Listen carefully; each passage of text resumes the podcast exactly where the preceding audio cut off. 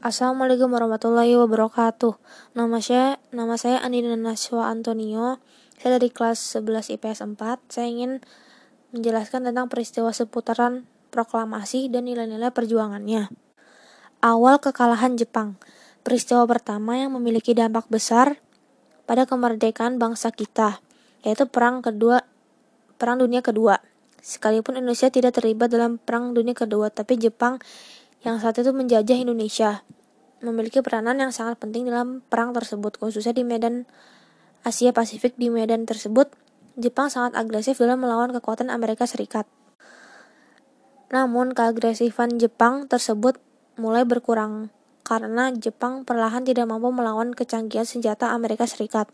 Hingga pada puncaknya pada tanggal 6 dan 9 Agustus 1945, Hiroshima dan Nagasaki, dua kota penting di Jepang, dibom oleh Amerika Serikat akibat Jepang akhirnya mengalami kehancuran karena Hiroshima merupakan tempat berkumpulnya tentara Jepang sekaligus pusat pemberangkatan kapal-kapal perang Jepang.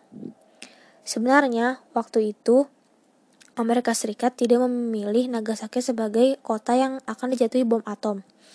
Kota yang seharusnya dijatuhi bom atom adalah kota Kokura yang menjadi pusat persenjataan Jepang. Namun pada saat Kokura mulai dijatuhkan bom atom, kota tersebut malah tertutup awan. Hal ini membuat pilot Amerika Serikat kesulitan melihat kota tersebut. Akhirnya, kota Nagasaki menjadi pilihan terakhir untuk dijatuhkan bom atom oleh Amerika Serikat karena kota tersebut terletak tidak jauh dari kota Kokura. Pembentukan BPU PKI Janji kemerdekaan yang dikeluarkan Jepang pada saat itu bukan janji mereka yang pertama. Pahami friend. Soalnya pada bulan September 1944, Perdana Menteri Jepang PM Koiso sudah pernah mengeluarkan janji kemerdekaan untuk Indonesia. Ia mengeluarkan janji tersebut agar rakyat Indonesia tidak melakukan perlawanan kepada Jepang. PM Koishi kemudian membuktikan janjinya dengan perbolehkan bangsa Indonesia mengibarkan bendera merah putih di kantor kantor pemerintah. Namun tentu saja dengan syarat bendera merah putih tetap harus dikibarkan berdampingan dengan bendera Jepang.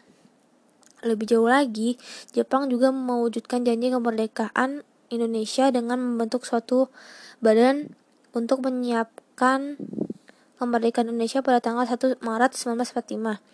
Badan pembentuk Jepang tersebut kemudian diberi nama Badan Penyelidik Usaha-Usaha Persiapan Kemerdekaan Indonesia atau BPUPKI.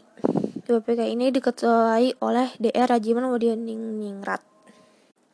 Nilai-nilai kejuangan yang terkandung dalam peristiwa proklamasi kemerdekaan Indonesia 17 Agustus 1945 yaitu semangat pantang menyerah, dua sikap rela berkorban, tiga semangat bermusyawarah, empat nasionalisme, lima patriotisme.